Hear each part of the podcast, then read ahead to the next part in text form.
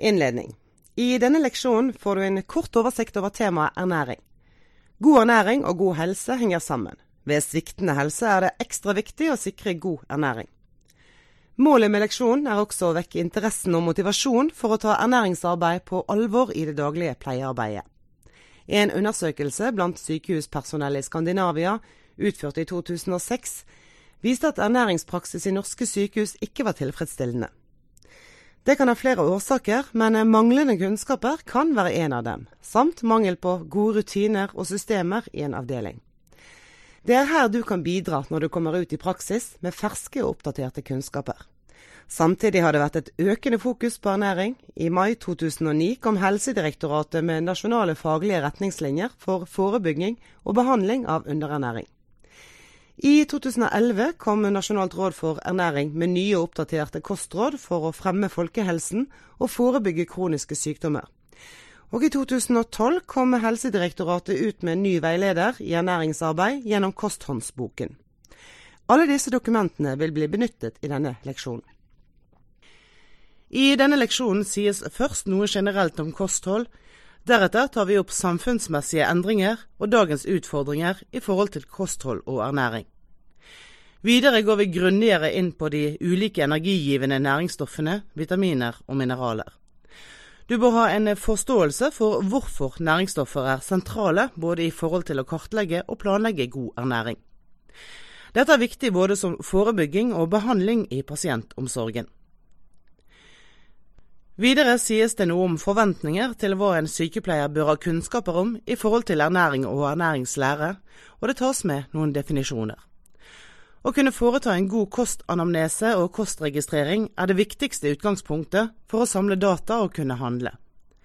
Her vil det handle om god samhandling med pasienten, og om etiske og relasjonelle kunnskaper og handlingskompetanse. Som sykepleier vil du også være ansvarlig for undervisning, veiledning og ledelse av annet pleiepersonell. Ut fra kostregistrering og andre sykepleiemål skal du kunne beregne energibehov til den enkelte pasient. Når en skal finne ut av energibehovet til pasienten, er det en del tall og formler som vil være til hjelp. Disse må du kunne. Til slutt vil det handle om ernæring i ulike aldersfaser, men med spesielt vekt på de eldre. Læringsutbytte Etter gjennomført og bestått fag forventes det at du som student har tilegnet deg kunnskap om grunnleggende ernæringslære, har kunnskaper om aktuelle ernæringsproblemer kan kartlegge og vurdere behov for væske og ernæring hos personer ut fra alder og tilstand, kan utføre rett registrering, rett dokumentering og evaluering relatert til ernæring i praksis. Har oversikt over hva praktisk ernæringsarbeid i helse- og omsorgstjenesten innebærer, og ansvarsfordelingen i dette arbeidet. Er observant i forhold til ernæring i praksis, kjenner til ulike verktøy i ernæringskartlegging. Ernæring og sykepleie. Når vi snakker om ernæring, er det ulike definisjoner som er aktuelle. Ernæring er sammenhengen mellom mat, næringsstoffer og helse, og omfatter behovet for energi og hvordan næringsstoffene fordøyes og omsettes i kroppen. Ernæring er betegnelse på cellene og organismen sitt behov for energi og næringsstoffer, samt næringsstoffene sin fordøyelse og omsetning gjennom fysiologiske og biokjemiske prosesser. Ernæringslære er studiet av næringsstoffene og kosten sin betydning for god helse. Kosthold er det totale inntaket av mat og drikke over tid, og inkluderer næringsstoffinntak og måltidsrytme. Helse omfatter fysisk, psykisk og sosial helse, og inkluderer livskvalitet og overskudd, så vel som fravær av sykdom og plager. Ernæring kan også betraktes som relasjonene som eksisterer mellom mat, næringsstoffer og helse. Et videre begrep ser også på sammenhenger og behov og hva som skjer i kroppen, fordøyelsen. Kosthold er mer konkret hva vi spiser og drikker, og når vi gjør det. Det gir et grunnlag for å beregne energiinntak og behov. Florence Nightingale var tidlig ute med å se det viktige i ernæring i forhold til sykepleie og helse.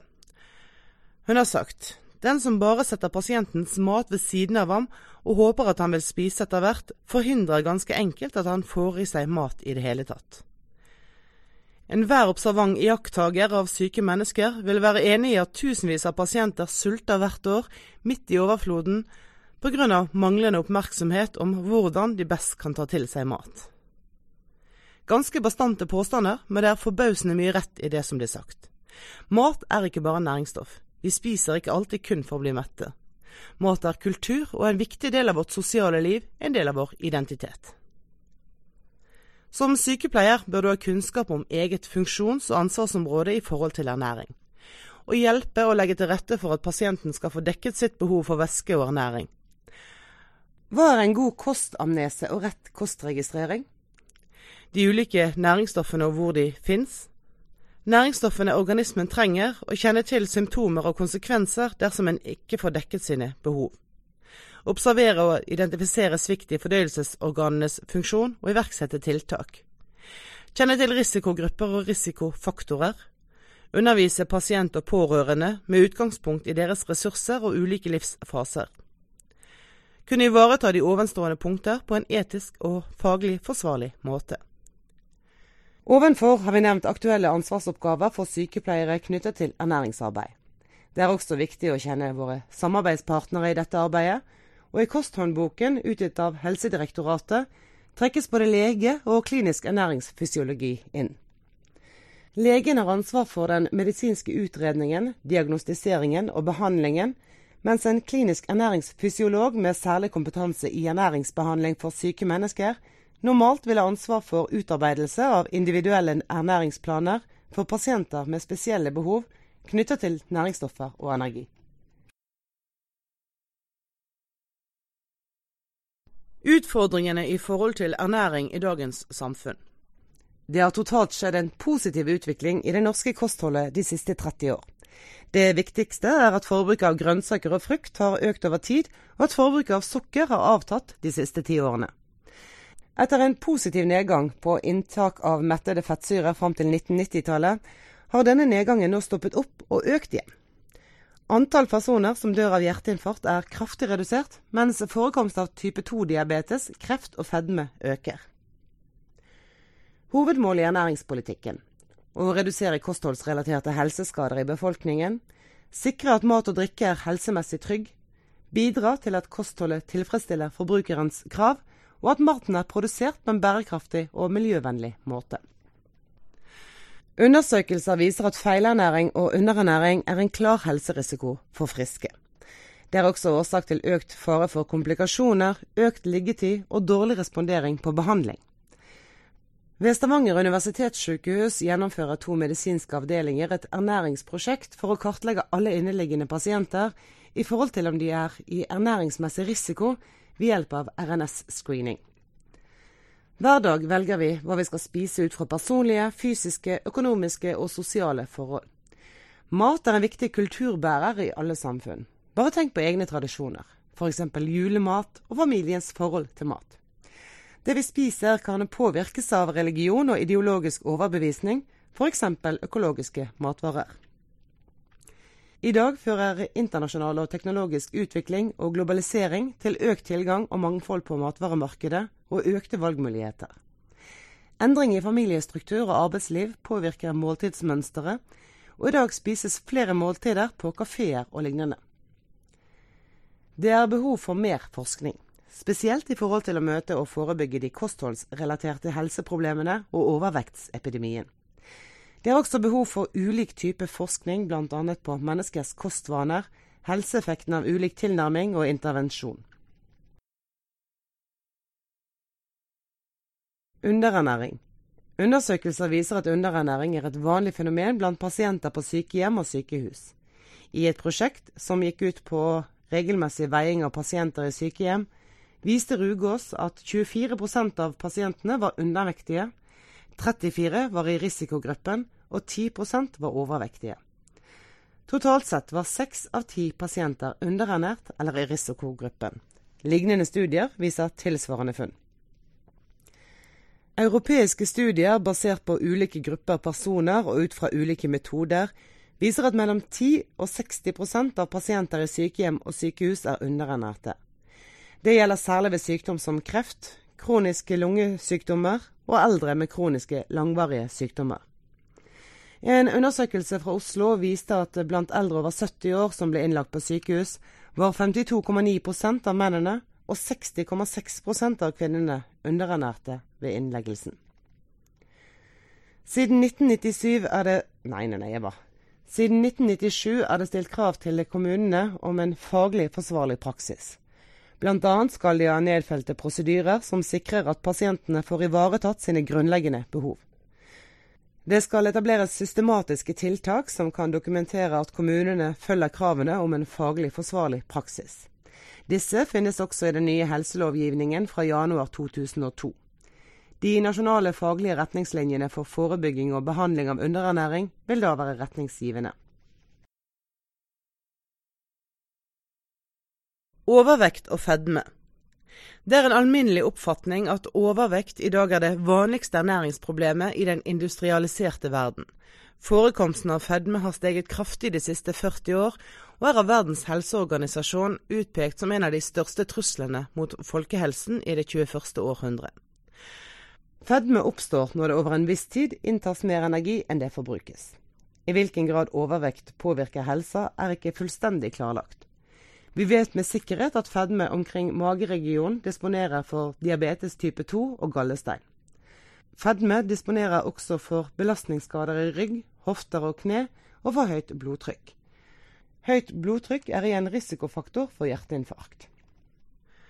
Kostens sammensetning har stor betydning. En fettrik kost synes å disponere mer for overvekt enn en karbohydratrik kost. Man ser klare forskjeller i forekomst av overvekt og fedme. Generelt er det slik at grupper med høyere utdannelse og lavere unnskyld, karbohydratrik kost. Man ser klare sosiale forskjeller i forekomst av overvekt og fedme. Generelt er det slik at grupper med høyere utdannelse og høyere inntekt har et helsemessig gunstigere kosthold enn de med lavere sosioøkonomisk status, og de har økt inntak av frukt og grønt.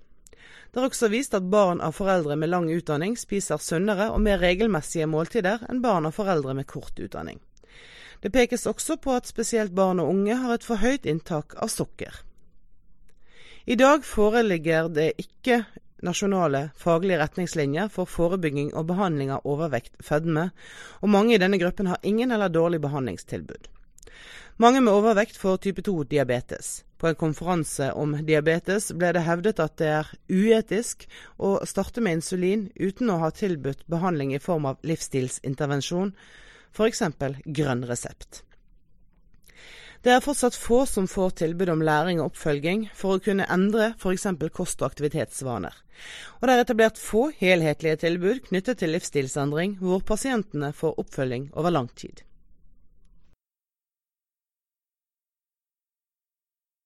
Flerkulturelt samfunn. Flere ernæringsrelaterte problemer forekommer hyppigere blant visse grupper innvandrere. Å etablere seg i et nytt land med annerledes matkultur og mindre tilgang på tradisjonelle matvarer, samt et fremmed språk, kan føre til uheldige endringer i kostholdet. Enkelte innvandrere har gått bort fra et variert og helsemessig kosthold med grønnsaker, frukt og bønner, til fordel for kost som inneholder mer fett og sukker.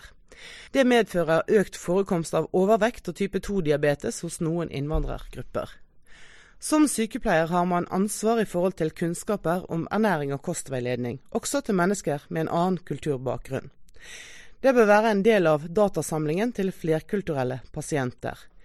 Hvilke dietter har de, eventuelt hvilke religiøse hensyn må man ta, f.eks. muslimer som ikke skal ha svinekjøtt, om de har faste perioder.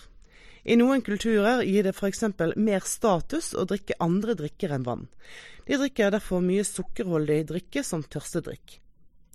Studier viser at pakistanske innvandrerbarn i alderen 1-3 år er mer utsatt for feilernæring enn andre barn i samme alder. På Ullevål hadde man på 90-tallet en økning i innleggelser av barn med rakitt, altså mangel på D-vitamin, blant barn med innvandrerbakgrunn. Årsaken kunne være langvarig amming, et ensidig kosthold samt lite sollys. Næringsstoffer. Næringsstoffer deles inn i seks grupper. Karbohydrater, fett, proteiner, vitaminer, mineraler og vann. Av disse seks gruppene er det kun karbohydrater, fett og proteiner som er energigivende næringsstoff. Ved å forbrenne disse næringsstoffene produserer kroppen energi som er nødvendig for å opprettholde de basale funksjonene. Vitaminer, vann og mineraler er nødvendige næringsstoffer som inngår i energiomsetningen, og er nødvendige for oppbygging og vedlikehold av cellene i kroppen. De må finnes i riktig mengde og i riktig forhold til hverandre, men de er altså ikke energigivende slik som karbohydrater, protein og fett. Hvilke behov har vi for næringsstoffer? Kroppen trenger ernæring til mange formål.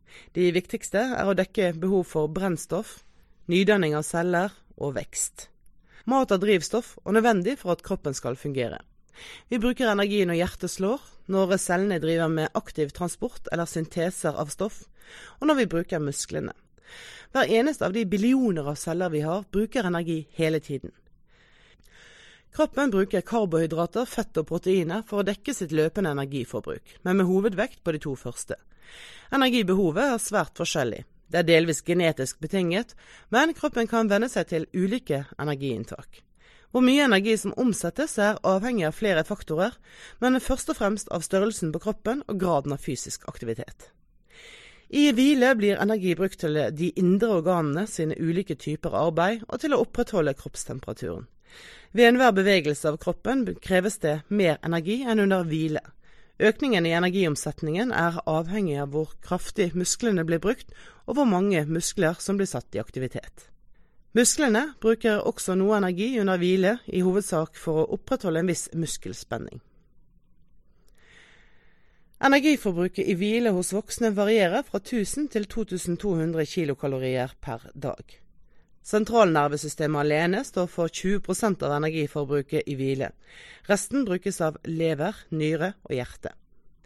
Ca. 40% av energiforbruket i hvile går med til ionepumping i kroppen, og ca. 20% går til proteinsyntese. Ca. 60% av kroppen er vann, og resten er byggestoff fra maten. Mat brukes også for å vedlikeholde og reparere kroppen. Milliarder av nye celler blir laget hvert døgn med stoff i maten som byggemateriale. Forbrenning av de energigivende stoffene kalles metabolisme. Denne prosessen består av både katabolisme og anabolisme. Ved sykdommer og skader øker katabolismen, og anabolismen blir hemmet. Det vil si at det kan bli en ubalanse. Nedbrytingen blir større enn oppbyggingen. Karbohydrater Karbohydrater er organiske stoffer som blir laget av grønne planter ved hjelp av solenergi, karbondioksid fra luften og vann. Karbohydrat er en samlebetegnelse for en stor gruppe stoffer. Sukker inneholder kun karbohydrat. Vi har tre grupper av karbohydrater. Monosakkarid, disakkarid og polysakkarid. Glukose er den monosakkariden som blir oppsugd raskest, og foretrekkes ved lavt blodsukker hos en pasient med diabetes.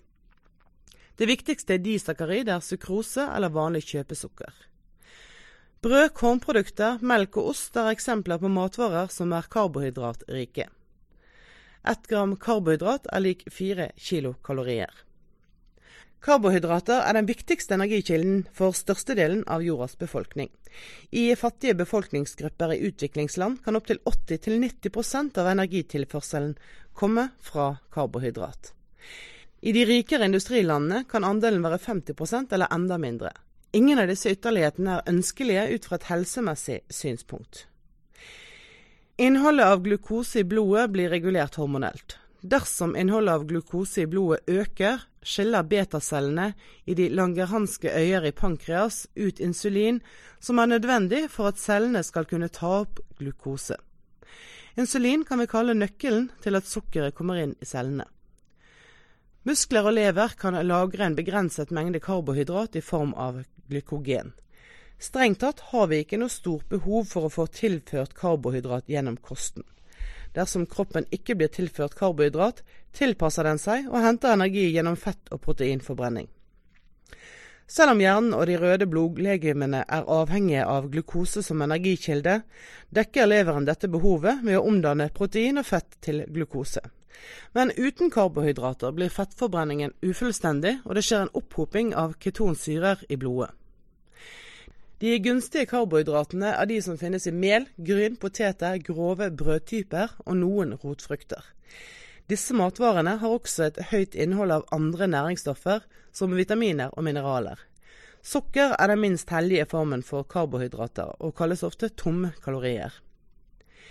I dag er vi mest opptatt av å se på sammensetningen av et måltid, i motsetning til på den enkelte matsort. Ifølge tallerkenmodellen skal halve tallerkenen bestå av grønnsaker, en fjerdedel av tallerkenen bestå av poteter, pasta eller ris, og en fjerdedel av tallerkenen av fisk eller kjøtt. I forhold til blodsukkerstigning er det gunstig å spise det søte sammen med fiber. Søt dessert sammen med middag som inneholder grønnsaker, vil f.eks. gi en langsommere blodsukkerstigning enn desserten alene.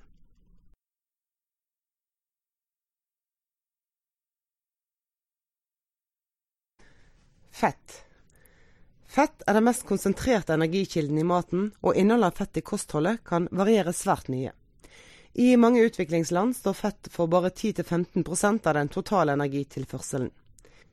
I USA og Vest-Europa kommer tre ganger så mye av den totale energien fra fett, dvs. Si fra 30% til over 40% I Norge anbefales det at 25-35% av den totale energien skal komme fra fett. For høyt inntak av fett i kosten fører til overvekt. Fett er byggestoff for kroppen og sikrer opptak av bl.a. vitaminer. I kroppen blir fettet lagret i fettceller i fettvevet, som primært er i underhuden og rundt indre organ. Fettet i underhuden bidrar til isolering, og fettet rundt indre organ beskytter mot støt og slag. I tillegg inngår fett i alle membraner og cellestrukturer. Fettet fungerer også som bærer av smak og aromastoff, og det gir maten en god konsistens. Mettet og umettet fett alle typer fett inneholder mettede, enumettede og fleremettede fettsyrer, men med forskjellig innhold og dominans. Alle typer fett gir like mye energi eller kalorier, men det er viktig å være oppmerksom på at mettet fett gir større stigning av kolesterolmengde enn umettet fett. Det umettede fettet er den snille typen.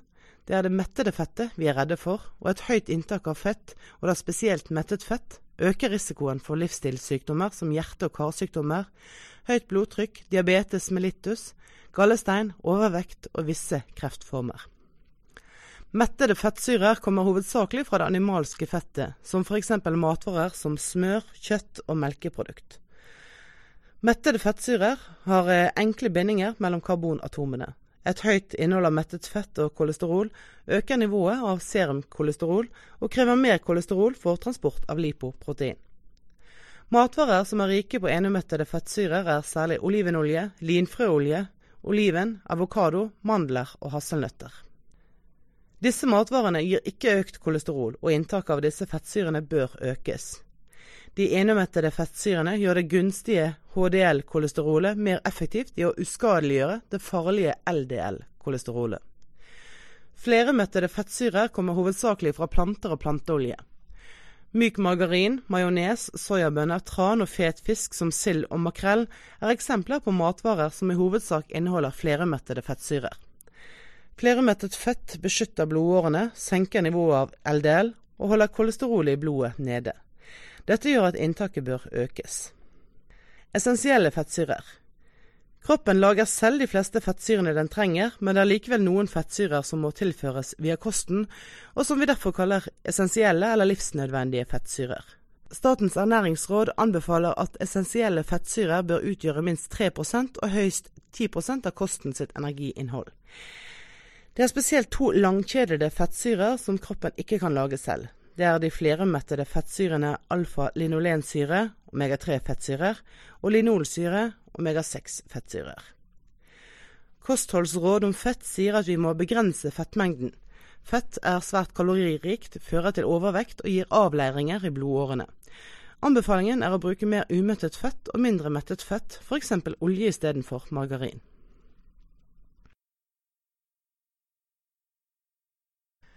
Protein. Protein er nødvendig for oppbyggingen av nye celler under vekst, og alle cellene i kroppen blir vedlikeholdt ved at byggematerialet, proteinet, stadig blir fornyet. Vi kaller ofte proteinet for byggesteinene i kroppen. Protein er også et energigivende næringsstoff, men spiller normalt liten rolle som energikilde i forhold til karbohydrat og fett. Dersom mer protein blir tilført enn det kroppen trenger til oppbygging og vedlikehold, blir resten brukt til energi eller lagret. Protein er en samlebetegnelse for en rekke stoffer som alle er sammensatt av ulike aminosyrer. Det finnes nærmere 100 aminosyrer, mens 20 forekommer i menneskeorganismen. Av disse 20 aminosyrene er det ni aminosyrer kroppen ikke selv kan lage fra andre aminosyrer. Disse må tilføres gjennom maten og blir kalt essensielle aminosyrer. Det skjer hele tiden nedbryting og oppbygging av protein, Proteinmangel fører til muskelsvinn og anemi. Ved proteinmangel blir også immunforsvaret svekket, noe som igjen kan føre til infeksjoner. Dette skyldes delvis reduksjon av antistoffproduksjon, og delvis at betennelsescellene sin funksjon blir svekket. Protein finnes i varierende mengder i alle ikke-raffinerte matvarer. Animalske matvarer som kjøtt, fisk, egg og melkeprodukter har ofte høyt innhold, men betydelige mengder finnes også i plantematvarer som korn og belgfrukter. Retningslinjene i Norge tilsier at protein skal utgjøre 10-20% av den totale energimengden i kostholdet. Kvaliteten på proteinet avhenger av hvilke matvarer proteinet kommer fra. Man må derfor ikke bare se på mengden protein når man vurderer hvilke matvarer som skal være proteinkilde. Det er også forskjell mellom fattig og rik når det gjelder hvilke matvarer proteiner kommer fra. I utviklingsland kommer mesteparten av protein fra vegetabilske matvarer, mens de industrilandene kommer fra animalske matvarer. Animalsk protein kommer fra dyreriket og vegetabilsk protein fra planteriket. Protein fra animalske produkter som kjøtt og fisk har normalt høyere kvalitet enn vegetabilsk protein, fordi de inneholder flere essensielle aminosyrer. Animalsk protein ligner mer på det proteinet vi har i kroppen, og kroppen kan derfor utnytte det bedre enn vegetabilsk protein. Dersom tilførselen av karbohydrat og fett er mindre enn behovet, går protein inn i forbrenningen. Kun når energibehovet er dekket, blir protein brukt til byggemateriale og til oppbygging av nye vevsproteiner. Det er viktig at energibehovet blir dekket gjennom fett og karbohydrat, slik at proteinet kan brukes til oppbygging av nye kroppsproteiner. Det er dårlig økonomi å la protein gå med til energiomsetningen. Barn i vekst har større proteinbehov per kilo kroppsvekt enn voksne. Behovet for protein øker også under sykdom. Ved f.eks. feber må proteinrike matvarer prioriteres. Det gjennomsnittlige proteininntaket i Norge for voksne ligger på 74 gram per dag. Overskuddsmengder av protein blir brukt av kroppen som energikilde, liksom karbohydrat og fett, eller blir lagret som fett.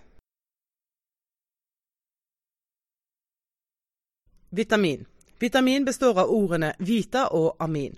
Vita betyr liv, og amin er en kjemisk betegnelse på organiske stoff som inneholder nitrogen. Vitaminer er viktige næringsstoffer som regulerer kroppen sitt stoffskifte, og er nødvendig for utnyttelse av byggematerialet og energien vi får gjennom karbohydrater, fett, protein og alkohol. Vitaminer tilføres i hovedsak gjennom mat og drikke, men kan også tilføres som kosttilskudd ved vitaminmangel. Det er ikke noe kjemisk slektskap mellom de forskjellige vitaminene, men det er vanlig å dele dem inn i to grupper. Vannløselige og fettløselige. Vitamin A, D, E og K er fettløselige, og vitamin B og C er vannløselige. Forskjellen i løselighet mellom de to vitamingruppene medfører at de blir behandlet forskjellig av kroppen. De fettløselige løser seg i fett og blir på den måten absorbert i kroppen. De vannløselige blir derimot bare lagret i begrensede mengder, og må derfor tilføres kroppen jevnlig. Gode kilder til daglig tilførsel er frukt, grønnsaker, poteter og sammalt mel. Vannløselige vitaminer finnes også i kjøtt, lever og melk. Vannløselige vitaminer er mindre stabile og mer flyktige enn de fettløselige. Riktig tilberedning av maten er derfor viktig for å bevare dem. Gammeldags tilberedning av maten med mye koking, eller institusjonsmat som holdes varm over tid, kan redusere vitamininnholdet. Selv om hvert vitamin har en spesiell funksjon, er de ofte avhengige av andre vitaminer og spormateriale for å kunne utøve sin funksjon. For lite av ett vitamin kan føre til ubalanse i kroppen sitt kompliserte maskineri, og til dårlig utnyttelse av et annet vitamin. Vitamin A Gode kilder til vitamin A er spesielt lever, men også H-melk, ost, leverpostei, smør og margarin. Gulrøtter og grønne bladgrønnsaker inneholder også mye vitamin A i form av karoten. Mangel på vitamin A kan føre til nedsatt syn i skumring, nattblindhet og redusert fargesyn. Øyesykdommer, at hud og slimhinner blir rammet, at den normale utviklingen av organene stanser og fosteret får misdannelser. Vitamin A-forgiftning kan føre til symptomer som slapphet, hodepine, oppkast og hudavskalling. Vitamin B. Det finnes ulike typer vitamin B. B1 tiamin. Det er ingen store mengder av tiamin i kroppen. Tiamin er nødvendig for nedbryting av karbohydrat i cellene, og uten tilførsel av tiamin vil mangelsymptom opptre i løpet av få dager. Tiamin finnes i små mengder i praktisk talt alle matvarer, unntatt hvitt sukker, fett og oljer. Sammalt mel, innmat, erter, bønner og magert svinekjøtt inneholder mest tiamin. B2 riboflavin. Behovet for riboflavin øker med energiomsetningen, og det er derfor viktig med ekstra tilførsel ved feber og infeksjon. Riboflavin finnes i de fleste vegetabilske og animalske matvarer, enten i fri form eller bundet til fosfat. Melk og ost står for 45% av riboflavintilførselen i norsk kosthold. B12 kobalamin. Kobalamin og folat er de anemiforebyggende vitaminene. Ved mangel på kobalamin blir det dannet store deformerte røde blodlegemer. Antallet blodplater og hvite blodlegemer reduseres også. Kobalamin er nødvendig i små mengder for normalfunksjonen i alle celler. Mangel på kobalamin forbindes med sykdommen pernisiøs anemi. Det er ikke en kostmangelsykdom, men en sykdom som skyldes mangel på den såkalte intrinsike faktor. Denne mangelen medfører at kroppen ikke klarer å absorbere kobalamin. Kobalaminnivået i serum blir redusert hos eldre. Reduksjonen skyldes ofte malabsorpsjon. Dette behandles med B12-injeksjoner intramuskulært. Kobalamin finnes kun i animalske matvarer, og vegetarianere er dermed utsatte. Uten tilførsel kan lagrene vare i fem til ti år. Folat er også et anemiforebyggende vitamin. Det anbefales at kvinner øker inntaket av folat forut for og tidlig i svangerskapet. Dette forebygger nevralrørsdefekt hos fosteret. Grønnkål, spinat, brokkoli, persillerot, blomkål, kinakål og salat er de matvarene med høyest innhold av folat.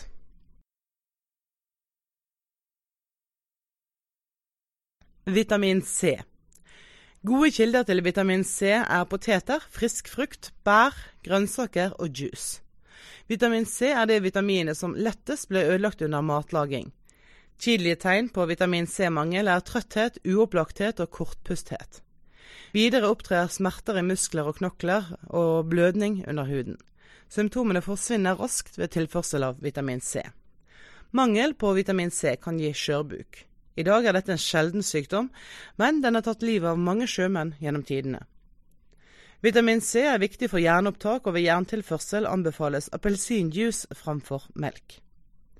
Vitamin C inngår i dannelsen av normalt bindevev, og er derfor nødvendig for god sårtilheling. Det er også nødvendig for eh, dannelse av osteoid vev og dentin. Røyking ser ut til å øke behovet for vitamin C. Vitamin D. Vitamin D finnes bare i noen få matvarer. Tran, fet fisk, torskelever og rognleverpostei er de eneste naturlige kildene av betydning. Vitamin D blir også dannet når sollys treffer huden. Sollyset er som regel mer betydningsfullt enn kosten for å dekke behovet for vitamin D. Ved å være regelmessig ute og utsette ansikt og hender for sol, vil huden produsere nok vitamin D til å dekke behovet. Det er gjort undersøkelser som viser at til og med i Tromsø er dette tilfellet, men her er det selvsagt større forskjeller mellom sommer og vinter enn ellers i landet. Mangel på vitamin D gir kvalitativ forandring av rørknoklene, ved at mineralisert vev blir erstattet av bløtt osteoidvev. Vitamin D-mangel rammer først og fremst barn, og sykdommen blir kalt rakitt. Vitamin D-mangel hos voksne forekommer sjelden, mens eldre er mer utsatte. Eldre er oftest både mer påkledde og mindre ute i sollys. I tillegg reduseres omdannelsen i huden med alderen, slik at eldre ofte trenger vitamin D-tilskudd. Kalsium absorberes best med vitamin D. Overdosering av vitamin D gir for høy konsentrasjon av kalsium i blodet, og det skjer utfelling av kalsium også i de myke vevene. Dette kan gi nyrestein og nyresvikt. Mangel på vitamin D er også et problem blant innvandrere fordi de dekker seg til. Dette fører til at de får mangel på kalsium, som igjen kan føre til osteoporose. Mineral og sporstoff Mineral og sporstoff er grunnstoffer som daglig tilføres via maten. De viktigste er kalium, natrium, klor, magnesium, jern, sink, selen, krom og jod. Selv om de forskjellige mineralstoffene til sammen utgjør en svært liten del av kroppen, bare ca. 4% av kroppsvekten, er livet umulig uten dem. Uten jern vil ikke cellene få tilført oksygen. Sink er svært viktig med tanke på sårtilhelingsprosessen og i forhold til fertilitet. Mineralstoffer kan ikke dannes i kroppen og må tilføres gjennom mat og drikke. Anbefalt daglig inntak av mineraler er fra ca. 100 mg til ca. 1 gram. Dagsdosen av sporstoffer varierer fra et par titalls milligram og ned til mikrogram mengder. Antioksidanter Antioksidanter omfatter en mengde stoff som finnes naturlig i mat og drikke, særlig i kornprodukter, frukt og grønnsaker. Antioksidanter utgjør kroppens forsvar mot ødeleggelser av cellevegger og cellestrukturer, og dermed styrker det kroppen sin kamp mot stoffer fra røyk, alkohol, forurensning, bakterier, virus og kreft. Disse stoffene eller tilstandene øker behovet for antioksidanter. Vitamin C og E pluss Q10 er de mest kjente antioksidantene. Omfattende forskning har ikke gitt noe entydig svar på om klinisk bruk av antioksidanter kan forebygge eller helbrede sykdom, så det er fortsatt ikke grunnlag for å anbefale profylaktisk bruk av renframstilte antioksidanter. Det beste rådet for å styrke organismen sitt antioksidantforsvar er fortsatt et variert kosthold, rikt på frukt og grønnsaker, kombinert med regelmessig mosjon. Vann- og væskebehov. Vann utgjør ca. 60% av kroppsvekten hos menn og ca. 50% av kroppsvekten hos kvinner. Kroppen er avhengig av noenlunde konstant væskemengde for å fungere normalt. Vann kan passere fritt over alle cellemembraner. Væske taper vi gjennom svette, respirasjon, urin og avføring. En del av væsken får vi gjennom maten, men mesteparten kommer fra drikke, både til måltid og ellers. Rent vann er den beste tørstedrikk, og er også anbefalingen i kostrådene i forhold til inntak av drikke. Vann er det næringsstoffet som det er mest av i kroppen, og som det er helt livsnødvendig med en regelmessig tilførsel av. Vann er medium for all transport og praktisk talt alle metabolske prosesser i celler og vev. Fordøyelse, absorpsjon, omsetning, lagring og utskillelse av næringsstoffer er helt avhengig av vann. Kroppen er avhengig av å få tilført like mye væske som den taper for å opprettholde væskebalansen i kroppen. Tap gjennom avføring er normalt bare 50-100 ml per døgn. Væsketap via respirasjon ligger hos de fleste på om lag 300-400 ml per døgn. Fordampning gjennom hud under normale omstendigheter er 500 ml per døgn, og normalt skiller nyrene ut mellom 1000 og 1500 ml væske per døgn. Ved å innta om lag 2000 ml væske i døgnet vil en vanligvis sikre normal væskebalanse. En hovedregel er at væskeinntaket må være tilstrekkelig til å produsere mer enn 1000 ml urin per døgn for å få skilt ut ulike nedbrytingsprodukter. Et høyt væske- og alkoholinntak vil øke utskillelsen av urin. Ved for lite væskeinntak kan kroppen bli dehydrert. Vanlige symptomer ved dehydrering er høy puls, lavt blodtrykk, stående hudfolder og tørr hud. Pasienten kan også virke trett, apatisk og slapp. Forverret tilstand kan føre til muskelrykninger. Tre dager uten væskeinntak kan være livstruende. Dersom væskeinntaket er høyere enn væsketapet, kan kroppen bli overhydrert. Pasienten kan få ødemer og bli tungpusten. Daglig vektmåling kan være et tiltak. Energiinntak og energibehov. Energiforbruket varierer med bl.a. kjønn, alder og fysisk aktivitet. For voksne som vil holde vekten, er energibehovet lik energiforbruket.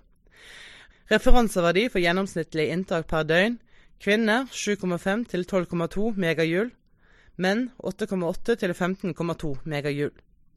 Disse verdiene er bare veiledende. Det er nesten umulig å komme med gjennomsnittsreferanser fordi det er så mange individuelle faktorer som spiller inn. Energibehovet er vanligvis mindre hos eldre personer enn hos yngre. Feber påvirker stoffskiftet, og for hver grad kroppstemperaturen øker, stiger energiomsetningen med ca. 10% Inntaket hos passive, lite sykdomsbelastede eldre bør ikke ligge under 24 kilokalorier per kilo kroppsvekt per døgn. Både for høyt og for lavt inntak av energi i forhold til behovet fører etter hvert til negative konsekvenser for helsen. Energibalansen Dersom tilførsel av protein, karbohydrater, fett, mineraler, vitaminer og vann er tilpasset kroppens behov, er kroppen i ernæringsmessig balanse. Er tilførselen høyere enn behovet, er det positiv balanse. Overskuddet av energigivende næringsstoffer blir da lagret som fett, mens overskuddet av de fleste andre stoffene blir skilt ut. Er tilførselen mindre enn behovet, er det negativ balanse. Energiunderskudd blir da dekket av kroppens energireserver, hovedsakelig fra fettvev, lever og muskulatur. Kroppen har ingen vannreserver, og dersom kroppen ikke får tilført vann, vil dette føre til dehydrering og vekttap. Ved en del sykdommer vil energibehovet øke pga. at nedbrytingen av protein øker som en generell reaksjon på skaden. Dersom kroppsvekten er stabil over lengre perioder, betyr det at energiinntaket tilsvarer energiomsetningen. Dersom energimengden som blir tilført gjennom maten i en lengre periode er mindre enn energimengden som blir brukt av kroppen, vil kroppsvekten avta. Motsatt ville kroppsvekten øke når energiinntaket er større enn energiomsetningen. Dersom denne ubalansen fortsetter i lengre tid, resulterer det i fedme. Det sentrale nervesystemet regulerer mekanismene for sult, appetitt og metthet. Mekanismene er ikke kjent i detalj. Både fysiologiske faktorer som hormon, blodsukkernivå, magesekkens fyllingsgrad, og psykologiske faktorer som lukt, smak og syn av mat, samt forskjellige sosiale faktorer, har innvirkning på reguleringen. Hvordan måles energi? Energi blir definert som evnen til å utføre arbeid. Energi kan måles på ulike måter. Fra gammelt av er benevnelsen kalorier mye brukt. Joule er standardenheten for energi og bør egentlig brukes, men fortsatt er kilokalorier det mest brukte. Generelle kostholdsråd på bakgrunn av data om utviklingen i norsk kosthold og kunnskap om sammenheng mellom kosthold og helse, blir nasjonale kostråd jevnlig evaluert og revidert basert på ny forskning. Nasjonalt råd for ernæring publiserte følgende 13 kostråd for å fremme folkehelsen og forebygge kroniske sykdommer i 2011. Dette er generelle kostholdsmål som ikke er spesifisert til spesielle grupper. 1. Det anbefales et kosthold som hovedsakelig er plantebasert, og som inneholder mye grønnsaker, frukt, bær og fullkorn og fisk. Og begrensede mengder rødt kjøtt, salt, tilsatt sukker og energirike matvarer. 2. Det anbefales at man opprettholder balanse mellom energiinntak og energiforbruk. 3. Spis minst fem porsjoner grønnsaker, frukt og bær hver dag. 4. Spis minst fire porsjoner fullkornsprodukter hver dag. 5. Spis fisk tilsvarende to til tre middagsporsjoner i uken. 6. Det anbefales at magre meieriprodukter inngår i det daglige kostholdet. 7. Det anbefales at man velger magert kjøtt og magre kjøttprodukter, og begrenser inntaket av rødt kjøtt og bearbeidet kjøtt. 8. Det anbefales at man velger matolje, flytende margarin eller myk margarin. 9. Vann anbefales som drikke. 10. Begrens inntaket av tilsatt sukker. 11. Begrens inntaket av salt. 12. Kosttilskudd kan være nødvendig for å sikre næringsstoffinntaket for noen grupper i befolkningen. Og 13. Det anbefales at alle daglig er i fysisk aktivitet i minst 30 minutter. Jevnlig inntak av mat gir mest stabilt blodsukkernivå, god konsentrasjon og yteevne. Det anbefales å ha tre til fire faste hovedmåltider i løpet av dagen, med tre og en halv til fire timers mellomrom. Dersom det går lengre tid, blir blodsukkernivået for lavt, og konsentrasjonen og yteevnen avtar. Når en dropper måltid, blir man sulten. Da har man generelt lettere for å ty til matvarer som sjokolade, pølser, hamburger og annen hurtigmat.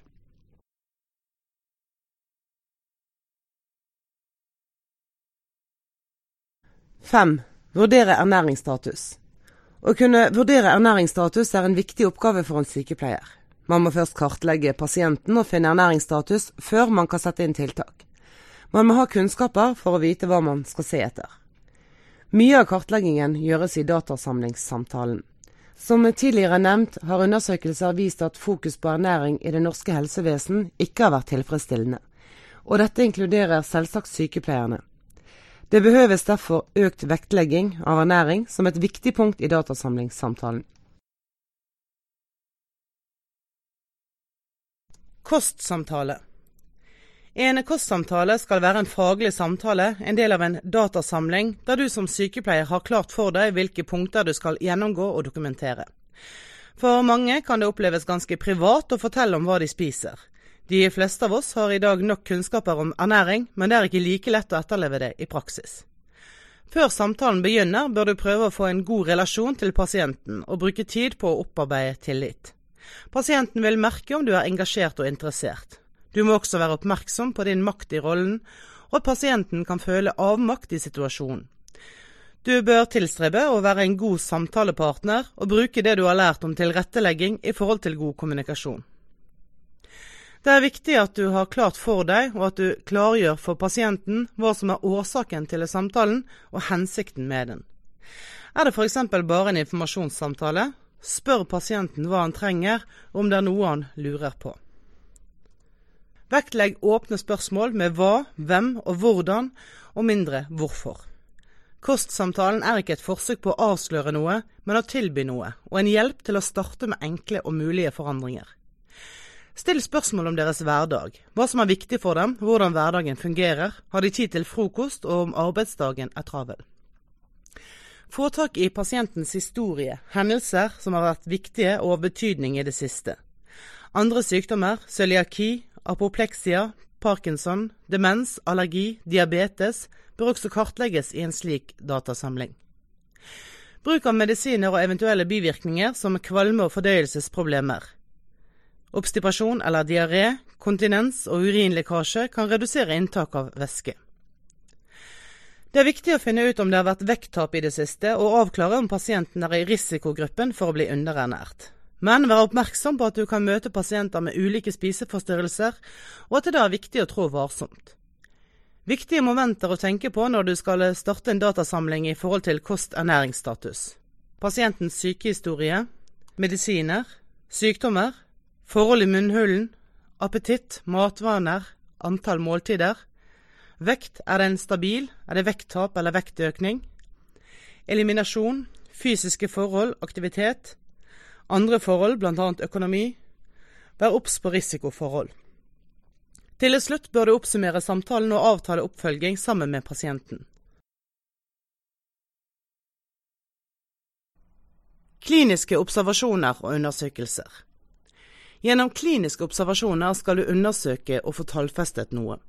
Kliniske undersøkelser gjøres ved at du registrerer det du ser med et faglig bevisst blikk. Observasjonene skal være bevisste og gjøres med utgangspunkt i de erfaringer og fagkunnskaper du har. Du observerer f.eks. om pasienten har stående hudfold, tørr hud, tørre slimhinner, tørre lepper, innsunkne øyne eller ødemer. Det er også viktig å observere om pasienten er blitt mager, slapp, trett eller mer forvirret. Dette bør være vurdert i en samtale med pasienten. Alder. Det er viktig å kjenne til pasientens alder for å ta avgjørelser knyttet til ernæring. Antropometriske mål. Mål av vekt og høyde er nødvendig for å kunne regne ut KMI. For å sikre at verdiene blir pålitelige, er det viktig at målingene gjøres på samme måte hver gang. Høyde kan f.eks. måles når pasienten står inntil en vegg eller ligger utstrakt i seng. Begge målingsmetodene kan brukes, men for å få riktige data er det viktig å bestemme på forhånd hvordan målingen skal gjøres. F.eks. ved at pasienten skal veies om morgenen etter vannlating. For å regne ut KMI bruker du følgende formel. KMI er lik vekt delt på høyde ganger høyde. Det anbefales noe høyere KMI hos eldre, og KMI bør kontrolleres én til to ganger per år i institusjon og ved innleggelse i sykehus eller på sykehjem. Det er vanlig at andelen væske og muskulatur avtar, mens fettmengden øker i vev. Det er også vanlig å alltid regne ut KMI på nyoppdagede diabetespasienter. Svakhet ved måling av KMI er at det ikke skiller mellom muskelmasse og fett, og muskler veier mer enn fett. Fettets plassering har stor betydning for helsen. Eksempel har menn med livviddemål rundt magen på over 104 cm økt risiko for å få diabetes.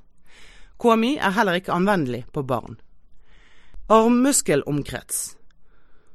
Overarmsomkrets brukes for å måle muskelmasse og proteinreserve. Spesielt ved mistanke om underernæring hos eldre, hvor muskelmassen minker fordi proteinlagrene minker. Overarmsomkrets måles med målebånd midt på overarm av lege og bør følges opp etter to til tre uker. Hudfoldtykkelse Hudfoldtykkelse måles for å vurdere en persons underhudsfett og gir et mål på fettlagrene. Målingen gjøres ved hjelp av en spesiell klype, skinfolder-kaliper. Hudfolden bør ikke være over 3-4 cm. Hudfoldtykkelsen kan måles på baksiden av overarm eller i underkant av skulderbladet. Syn, lukt og sanseapparat.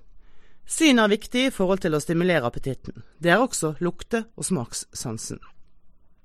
Tannstatus og munnhulen. Det er veldig viktig å observere tannstatus. Se etter om pasienten har problemer med å tygge, proteser som ikke passer, dårlig tannstatus eller sår i munnen. Problemer med tannstatus vil forhindre at vi spiser tilstrekkelig.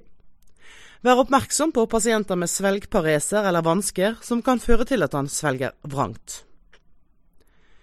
Hud og slimhinner. Observer hud og slimhinner. Er huden tørr, sår eller rød?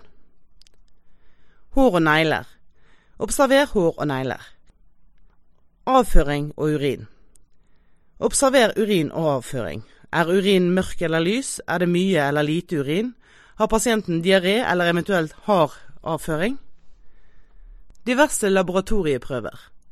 Diverse blodprøver som kan gi tilleggsopplysninger om ernæringsstatus, kan være albumin, vitamin C, tiamin, fosfor, magnesium, selen, HGB, HCT og jernlager.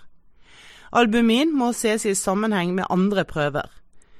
Kreatinin er et indirekte mål på skjelettmuskelmengden. Forhøyet kreatinin kan være et tegn på økt nedbryting av muskelmasse. Klinisk blikk. Det er viktig å oppøve et klinisk blikk for å kunne observere pasienten og sikre opplysninger til datasamlingen. Utregning av energibehov. Energibehovet til en pasient avhenger av flere faktorer som f.eks. hvor gammel pasienten er, om pasienten er sengeliggende, eller om pasienten har feber. Det er svært viktig å kjenne til hvordan man regner ut energibehovet til en pasient. For å kunne gjøre utregningen trenger dere å kunne utregningsmanualen og formelen for KMI.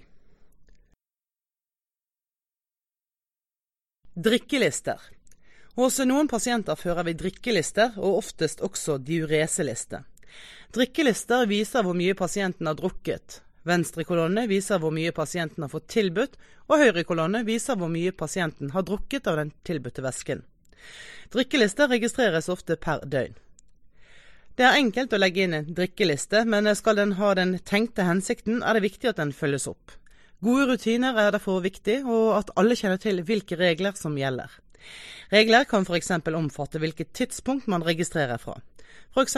fra sju til sju eller fra åtte til åtte. En god rutine kan være at den som har ansvaret for pasienten denne vakten, ajourfører drikkelisten før han går hjem, slik at det gjøres for hver vakt. Når dere skal ut i praksis eller jobb, er det viktig at dere setter dere inn i reglene og følger de reglene som gjelder på den aktuelle avdelingen. Ernæring i ulike aldersfaser. Ernæring og hva vi spiser har en avgjørende betydning for vekst og utvikling i fosterliv, spedbarnsalder, barneår og ungdomsår. Helsefremmende og forebyggende ernæringsarbeid bør ha en helhetlig tilnærming til menneskets livsløp, dvs. Si ulik tilnærming og behov i ulike faser i livet.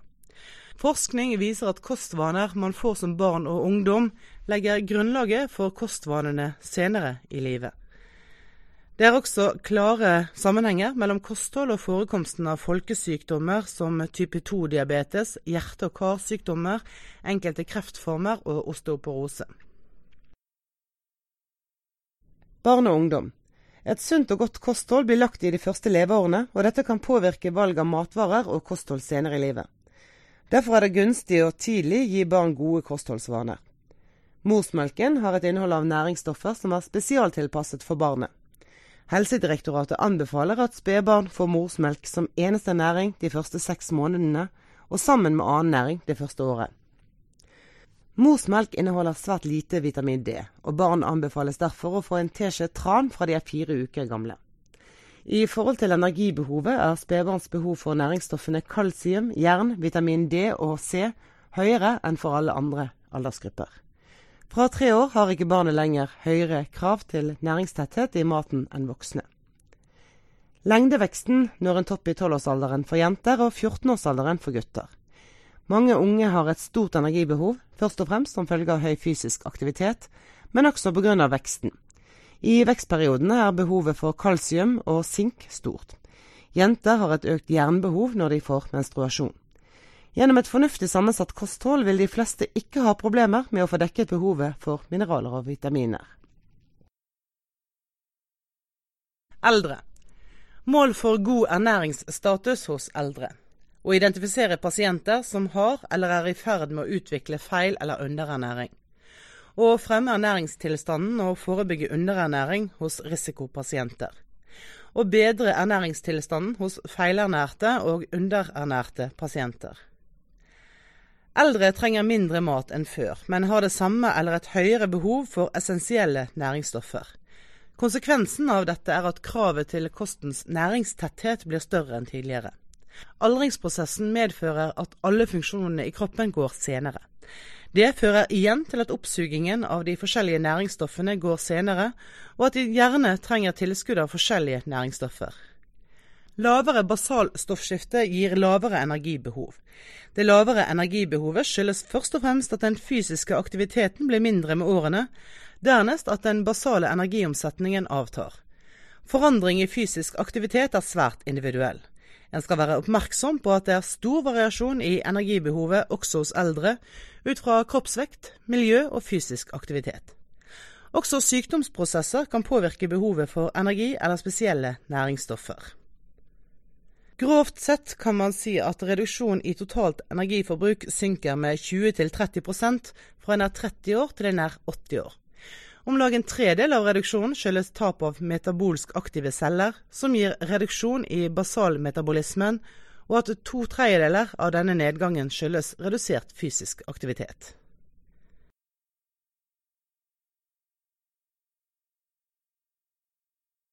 Næringstett kost Mengden fett øker hos de fleste fram mot 70-årsalder, noe som har sammenheng med redusert aktivitetsnivå. Etter 70-årsalderen vil høyden avta, og det kan komme en vektnedgang. En studie fra Gøteborg som fulgte eldre fra 70 til 82 år, viste en gjennomsnittlig vektnedgang på 0,6 kilo hos kvinner og 0,4 kilo hos menn. Her bør vi skille mellom de yngste eldre og de eldste eldre. De yngste eldre trenger kanskje fettreduksjon, mens det er de eldste eldre som har størst risiko for underernæring. De trenger mindre mat enn før, men har samme eller et høyere behov for essensielle næringsstoffer og energi. Kravet til kostens næringstetthet blir dermed større enn tidligere. Det vil si at maten må ha et høyere innhold av essensielle næringsstoffer og energi. Hos eldre over 75 80 år blir matinntaket ofte redusert. Redusert matinntak går særlig utover inntak av proteiner og vitaminer. I stedet for å kutte ned på matinntaket, bør man heller legge om kostholdet slik at næringstettheten øker mens energimengden går ned. Det kan de gjøre ved å redusere inntak av fett og sukker som inneholder lite næringsstoffer, og øke proteininntaket. Selv om proteinbehovet i prinsippet skulle synke med alderen som følge av at proteinmengden i kroppen blir mindre, viser enkelte studier at eh, behovet kan øke. Eksempel på matsorter som øker proteinmengden er kjøtt, fisk, egg, melk, ost, korn, ris og bønner. I tillegg kan man bruke spesialpreparater og kosttilskudd. Eldre har også et høyere behov for inntak av vitaminer og mineraler som kan tilføres kosten ved f.eks. multivitamintabletter, spesialpreparater og tran. Risikofaktorer for lavt næringsinntak. Det er forskjellige risikofaktorer som kan føre til at pasienter får for lavt næringsinntak. Under stress og depresjoner nedsettes ofte appetitten og lysten til å lage mat. Når ting føles meningsløse, kan det også være at måltidene taper sin mening. Ved kognitiv svikt er det en fare for at pasienten glemmer måltider eller spiser veldig ensidig. Ved sykdommer, smerte, tretthet og feber blir appetitten nedsatt. Medikamenter kan gi kvalme og uvelfølelse. Fysiske handikap kan hindre en i å få kjøpt og tilberedt mat, og kan gjøre måltidet vanskelig å spise. Tannproblemer, redusert spyttsekresjon, Munntørrhet og tannråte gjør det vanskelig å ta til seg næring. Dysfagi fører til problemer med å svelge. Atrofi av mage-tarmslimhinner medfører at kroppen fordøyer og nyttiggjør seg dårligere av maten. Redusert glatt muskulatur i tarm kan føre til nedsatt perialstikk, som igjen gir økt fare for oppstipasjon.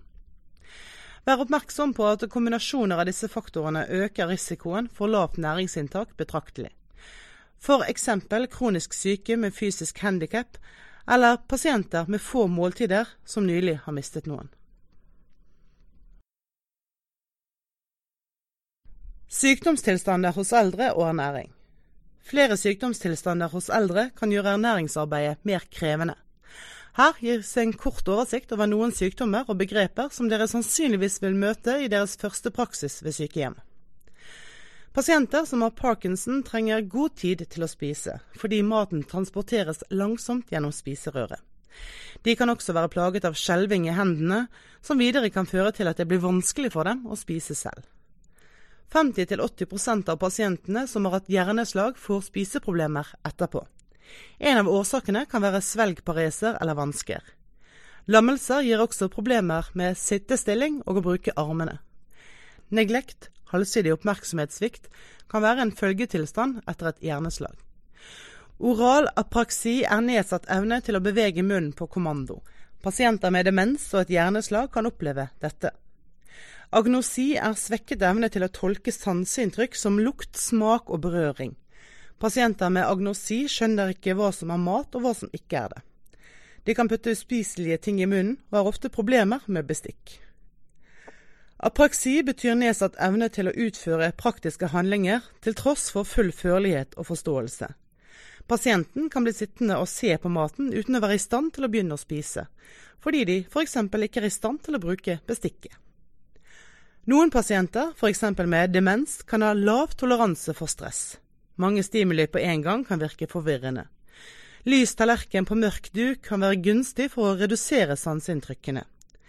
Man kan tilstrebe å formidle ro, anbefale å ikke spise og snakke samtidig, og begrense snakkingen til veiledning i tilknytning til spisingen. Symptomer på næringsstoffmangel, mangel på vitaminer og mineraler. Det vi kan se i praksis er symptomer på subklinisk næringsstoffmangel. Symptomene som kommer i forkant og gir oss en pekepinn på at det er noe som ikke stemmer.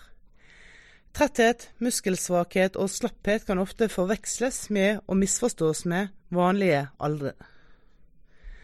Forveksles med og misforstås som, står det der, Eva. Tretthet, muskelsvakhet og slapphet kan ofte forveksles med og misforstås som vanlige aldringssymptomer. Forebyggende tiltak kan være å gi multivitamintablett eller tran som inneholder viktige flerumettede fettsyrer som A- og D-vitamin. Eldre trenger ofte tilskudd av vitamin D. Ultrafiolett stråling av huden reduseres fordi de er mindre ute i sollys. Spesielt sengeliggende og hjemmebundne er en utsatt gruppe. Mangel gir kvalitativ forandring av rørknoklene. Undersøkelser viser at eldre med lårhalsbrudd har særlig lave verdier av vitaminet. Viktigheten av vitamin C hos eldre er under utforskning, men det er viktig i forhold til god sårtilheling og for normalt bindevev og beinvev. Sink kan være et godt tilskudd ved sen sårtilheling. B12-mangel er påvist hos noen eldre med demens og forvirringstilstander.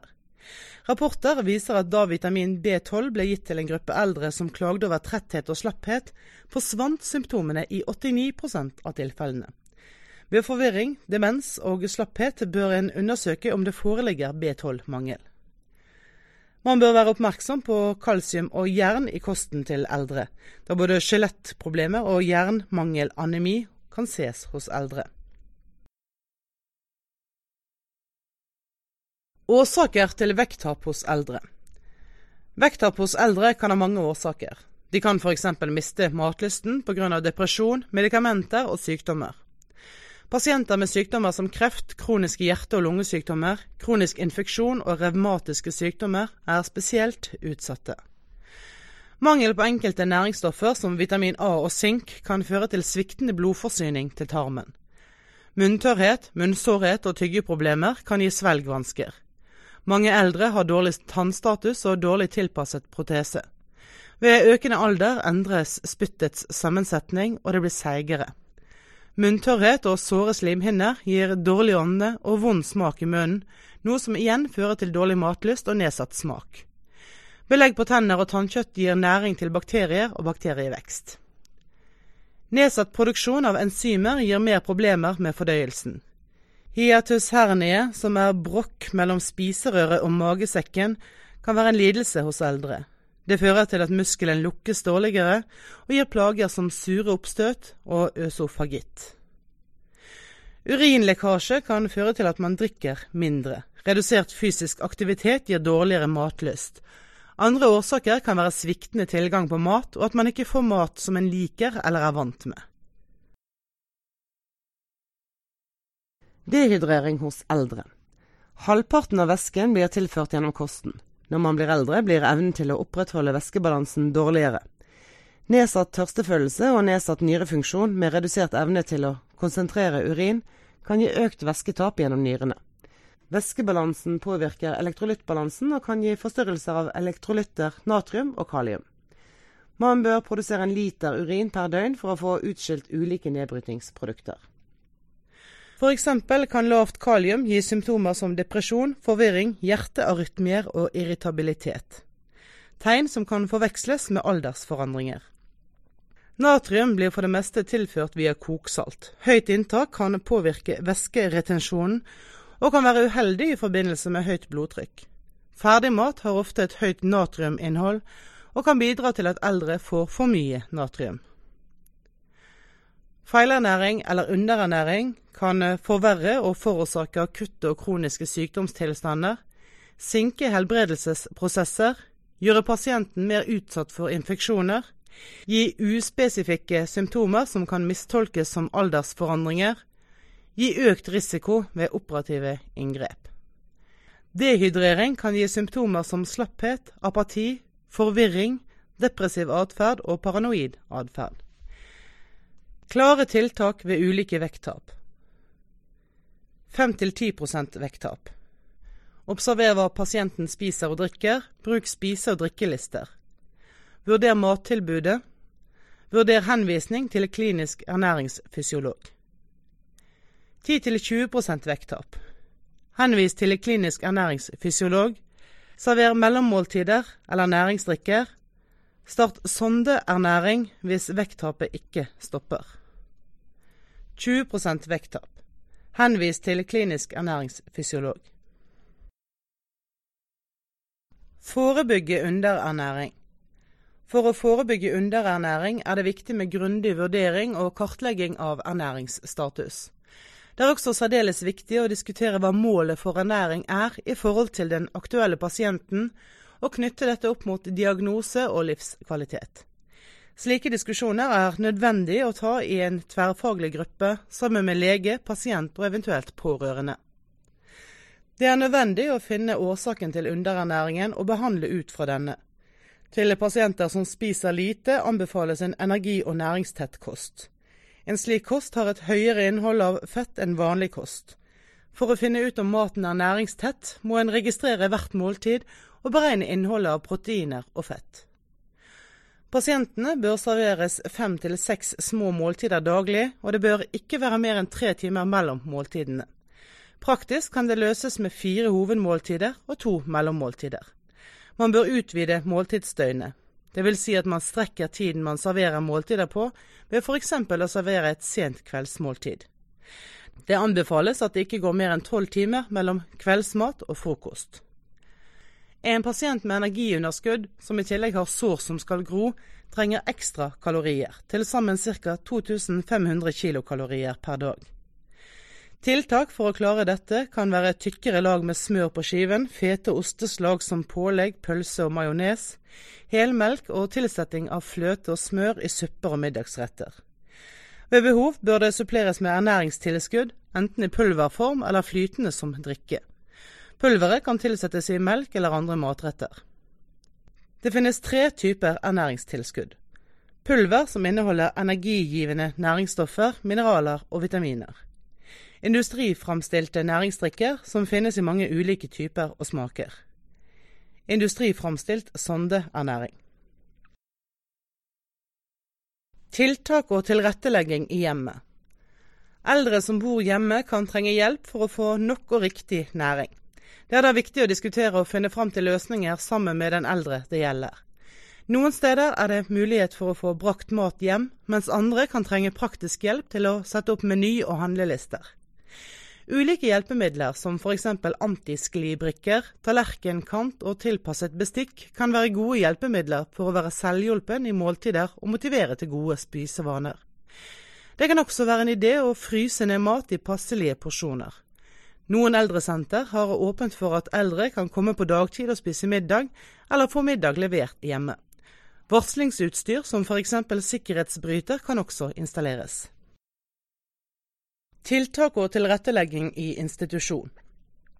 Eldre som bor på institusjon kan også trenge hjelp til å få nok og riktig næring. Det er viktig å gi pasientene en lystbetont opplevelse av måltidet. Prøv å skape et appetittvekkende miljø. Pasientene kan ha svært forskjellige ønsker i forhold til sosialt samvær under måltidet.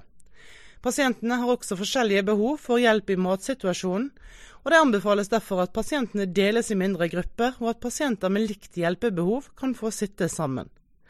Eldre liker også å ha faste plasser. Det er også forbundet med velvære å komme velstelt til bordet. Det hjelper om selve måltidene er attraktive og næringsriktige. Server også næringsrike drikker som smoothie med frukt. Forskjellige hjelpemidler kan benyttes slik at pasienten blir mer selvhjulpen og lettere kan spise. Hjelp til å spise.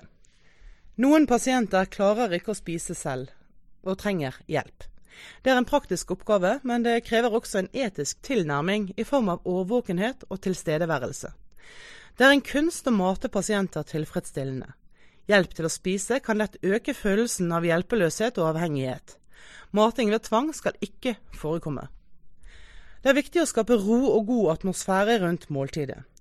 Forbered pasienten og rommet på måltid. La pasienten eventuelt få hvile i forkant, slik at han er opplagt og at måltidet kan bli en god sosial situasjon og opplevelse. Hjelp pasienten til å finne en god spiseposisjon. Beregn minst 30 minutter til hver pasient, og unngå å mate flere pasienter om gangen. Forbered munnen ved å eventuelt servere drikke først. Syrlig drikke vil stimulere spyttsekresjon. Vær oppmerksom på munnhygienen til pasienten. Ved uttalt munntørrhet kan man prøve kunstig spytt som fås kjøpt på apoteket. Sukkerfri tyggegummi eller pastiller anbefales før måltidet for å stimulere spyttsekresjonen. Appetitten til pasienten kan stimuleres ved at du stimulerer sansene til pasienten. Oppmuntre ham til å lukte på maten, og snakke om hvordan maten lukter og ser ut. Ved mating er det viktig med god teknikk. Hold et godt grep rundt gaffel, men beveg den varsomt slik at man ikke skader lepper og munnhule. Pasienten må få bruke leppene til å få av maten. Ikke tørk pasienten rundt munnen, men dytt heller for å unngå sårhet. Tilpass maten til svelgekapasiteten, og vær oppmerksom på tyggetempo. Tempoøkning fører ofte til at pasienten ikke vil ha mer, så det er viktig å være tålmodig. Tilby ulik type mat, og tilpass konsistensen etter pasientens behov. Vær spesielt oppmerksom på at pasienter som har problemer med å svelge, bør få kald eller varm mat. Det kjennes bedre i munnen enn lunken mat og er lettere å svelge. Etter måltidene bør pasienten sitte i 15-30 minutter, fordi det letter tømmingen av spiserøret, fremmer tarmbevegelser og hindrer aspirering til lungene. Etikk Det er mange vanskelige etiske utfordringer knyttet til sykepleie og ernæring. I refleksjoner over disse vil det være naturlig å diskutere det opp mot etiske retningslinjer, en faglig forsvarlig praksis og lovverket som omhandler vår utøvelse av yrket, bl.a. autonomiprinsippet. Temaet vil bli behandlet mer i sykepleielaboratoriet. Da har dere også gjort erfaringer i praksis. Det er også viktig at man diskuterer målet til hver pasient. Med det menes at hos noen alvorlig syke pasienter vil vi ikke ha et ernæringsproblem selv om de spiser lite. Da handler det om at pasienten spiser det han kan, og vi arbeider for at pasienten skal lide minst mulig, og vektlegger livskvalitet. Det er viktig å ha tverrfaglige samarbeidsmøter, slik at målet avklares etisk og medisinsk. Pasientens samtykkekompetanse er også viktig å kartlegge. Aktuell ny lov er et nytt kapittel i pasientrettighetsloven, kapittel 4a, som trådte i kraft 1.1.2009. Helsehjelp til pasienter uten samtykkekompetanse. Helsedirektoratet skriver om det nye kapittelet. Kapittel 4a skal sikre nødvendig helsehjelp til pasienter som mangler samtykkekompetanse og motsetter seg helsehjelp. Denne delen av loven er det nyttig å sette seg inn i. Oppsummering For å kunne vurdere ernæringsstatus hos pasienten, må du vite hva som er ernæringsstatus før du setter inn tiltak. En slik kartlegging vil inneholde en datasamling og en kostsamtale. I en slik samtale må man arbeide med å etablere tillit og en god relasjon, samt vektlegge det etiske i møte med pasienten. Dere bør vite hva som må være med i en slik datasamling og kostsamtale. Dere bør kjenne til hva antropometiske mål er, og kunne beregne KMI, men også kjenne til svakhetene ved en slik måling. Dere bør kunne utregningsmanualen, slik at dere kan regne ut energibehovet til pasienten. Vi har gått gjennom ulike næringsstoffer. Dere bør vite at de deles inn i seks grupper. Karbohydrater, fett, proteiner, mineralstoffer, vitaminer og vann. Dere bør kunne denne anbefalte fordelingen av de energigivende næringsstoffer. Det er viktig at dere kjenner til de ulike funksjoner næringsstoffene har, og hvor vi kan finne dem i mat. Ut fra dette kan vi gi generelle kostråd. Vi har sett på vårt behov for vann, og hvorfor og hvordan vi taper væske. Vi har gått gjennom hva energibalanse betyr, og hva som skjer ved overskudd eller underskudd i energibalansen. Vi har også sett på hvor mange kalorier en voksen trenger, og hva som påvirker vårt behov for energi. Dere bør ha kunnskaper om å kunne diskutere hva som er utfordringene med ernæring hos eldre, og vite at de ikke er en ensartet gruppe. Vi har gått gjennom hva næringstett kost vil si, og årsaker til at det anbefales for noen eldre. Dere bør ha kunnskaper om risikofaktorer ved et for lavt næringsinntak, og hvorfor det er viktig å vite dette, samt vite hvilke tiltak du kan iverksette for å forebygge og behandle underernæring. Dere skal vite noe om tiltak som utregning av ernæringsstatus, anbefalinger av måltider, samt forslag til tilrettelegging i hjemmet og i institusjon. Dere skal ha kunnskaper om hvordan man best kan hjelpe pasienter som trenger hjelp i matsituasjonen.